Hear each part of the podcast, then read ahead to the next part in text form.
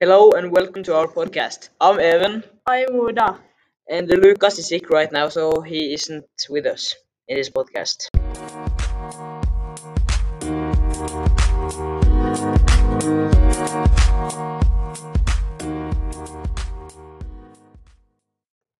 Today we are going to talk about our hobbies. Evan, what are your hobbies? I love to play soccer and drive snowmobile. What snowmobile do you drive? Polaris, that is the best brand. Do you like soccer? Yes, I like soccer and I play soccer. Which team do you support? Liverpool. Do you have any arguments for that? Yes, they won Premier League this year. Do you have any other arguments? Yes, they play good football.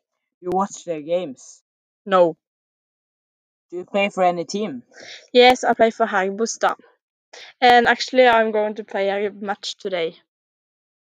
Do you play for any team, Seven? No, but I used to before I got a injury in my Achilles. Oh, that was sad to hear.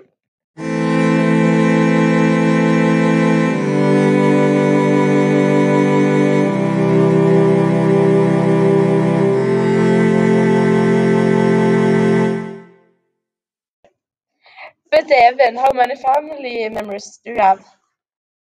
Um, my parents are divorced, uh, they- so uh, we are currently five, but I have uh, a stepdad and a stepmom, and I have a stepsister. How many family members do you have, Buddha? I have a mom and a dad and two sisters and two brothers.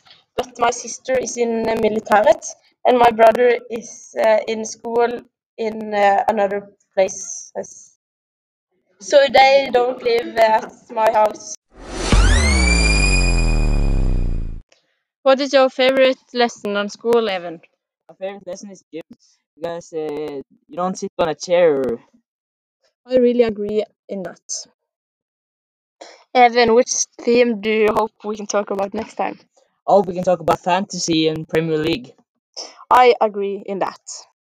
We had a couple of problems while we recorded this podcast because one of the the members of this podcast was sick 50% of the time.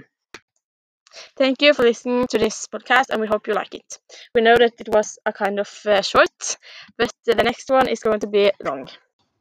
Hope to see you soon. Bye bye.